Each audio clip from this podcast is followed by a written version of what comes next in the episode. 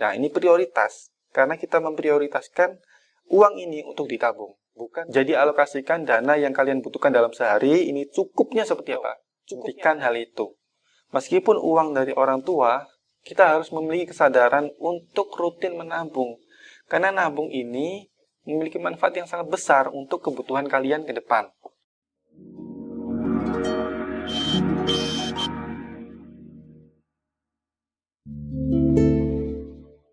Halo, Assalamualaikum warahmatullahi wabarakatuh. Dengan Waish Alki sini, selamat datang di Waish Alki Channel.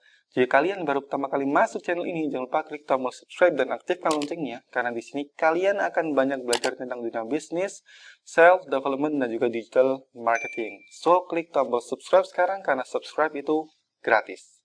Oke, di video kali ini kita akan membahas tentang cara menabung yang benar untuk pelajar.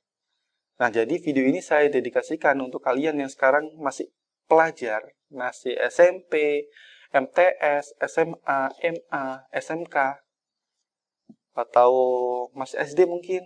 Nah, itu saya dedikasikan untuk kalian. Tapi nggak menutup kemungkinan yang nonton video ini itu orang yang sudah kuliah atau sudah lulus. That's no problem. Yang pasti, ini saya dedikasikan untuk yang masih sekolah.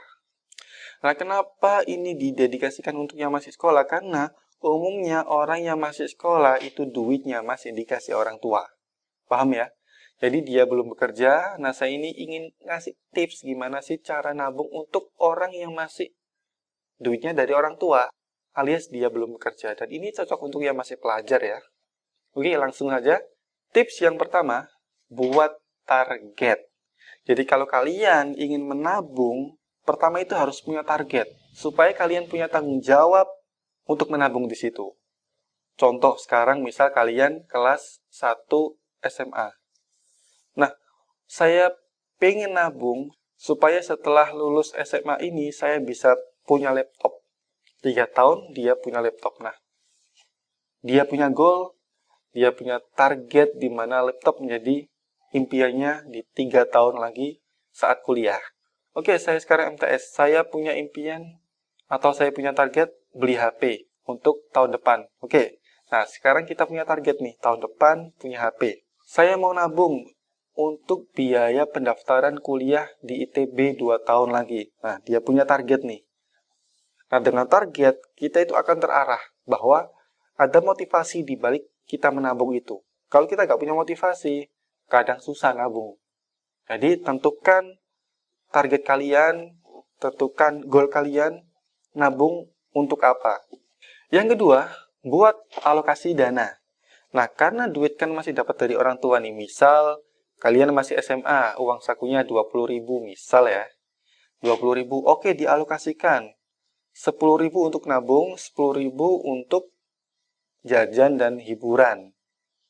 Jadi kita mengalokasikan dana untuk dua hal ini ya untuk kebutuhan kita dan untuk tabungan. Jadi jangan nabung seenaknya. Oke, hari ini nabung 2000, besoknya 5000, besoknya 10000, besok lagi 5000. No. Alokasikan dana di situ. Supaya nabungan kalian itu terencana. Karena kita kan punya target nih sebelumnya. Nah, kalau kita nggak bisa mengalokasikan dana, target kita akan susah dicapai. Maka dari itu, alokasikan dana mulai sekarang. Uang saku kalian berapa? Kebutuhan kalian dalam sehari itu berapa? Secukupnya saja. Kalau cukup 5.000 dalam sehari ya alokasikan 5.000 untuk jajan, hiburan, dan 15 untuk tabungan. Jadi alokasikan dana yang kalian butuhkan dalam sehari ini cukupnya seperti apa? Cukupnya aja ya. Jangan dibuat-buat ya. Cukupnya seperti apa? Kalau cukupnya 10.000 ya gunakan 10.000. Kalau cukupnya 5.000 ya 5.000 aja cukup. Dan selebihnya masukkan ke tabungan. Yang ketiga adalah siapkan tabungan.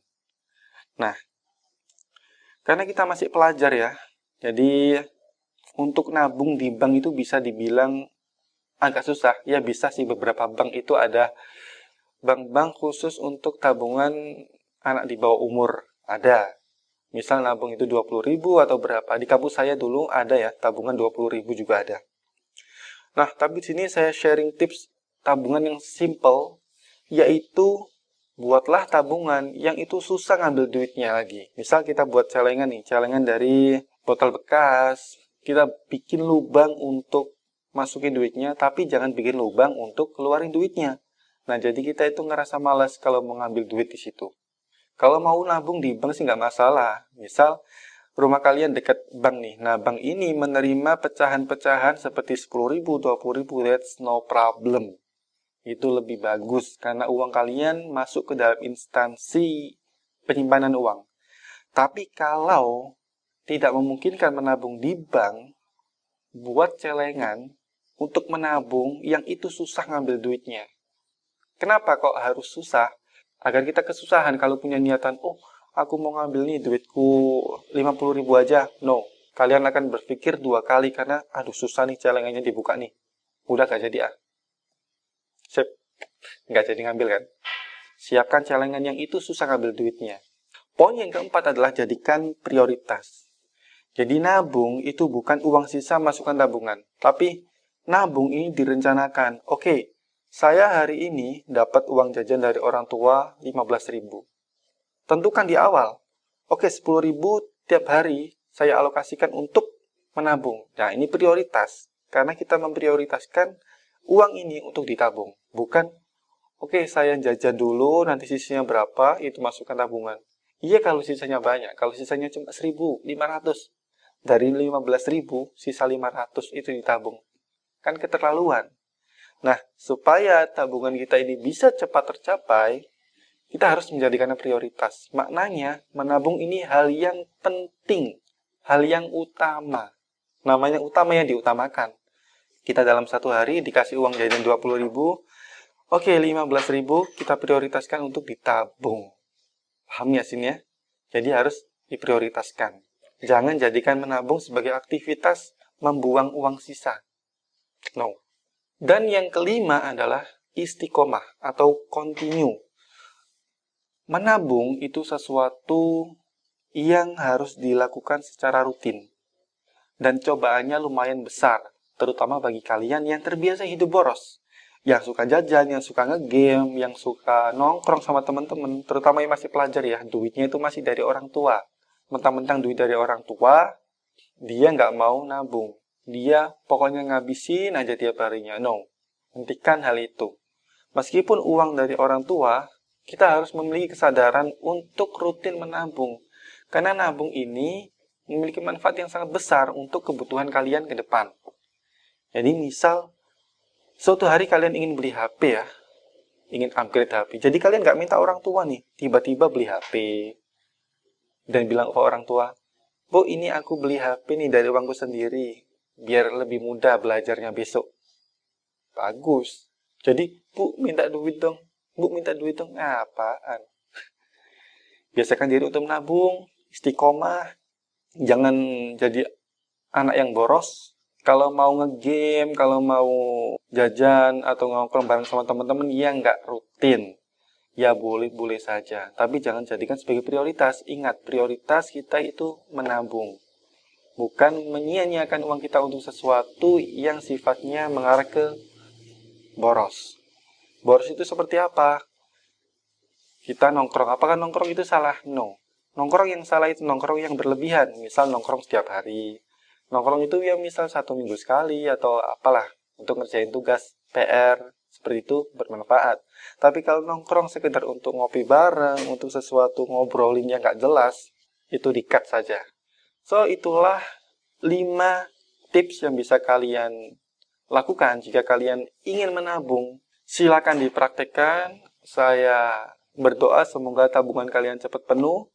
Dan saran saya kalau sudah nabung, duitnya nggak perlu diambil lagi untuk hal-hal yang tidak sifatnya darurat. Supaya apa? Supaya target yang kalian buat di awal itu bisa tercapai.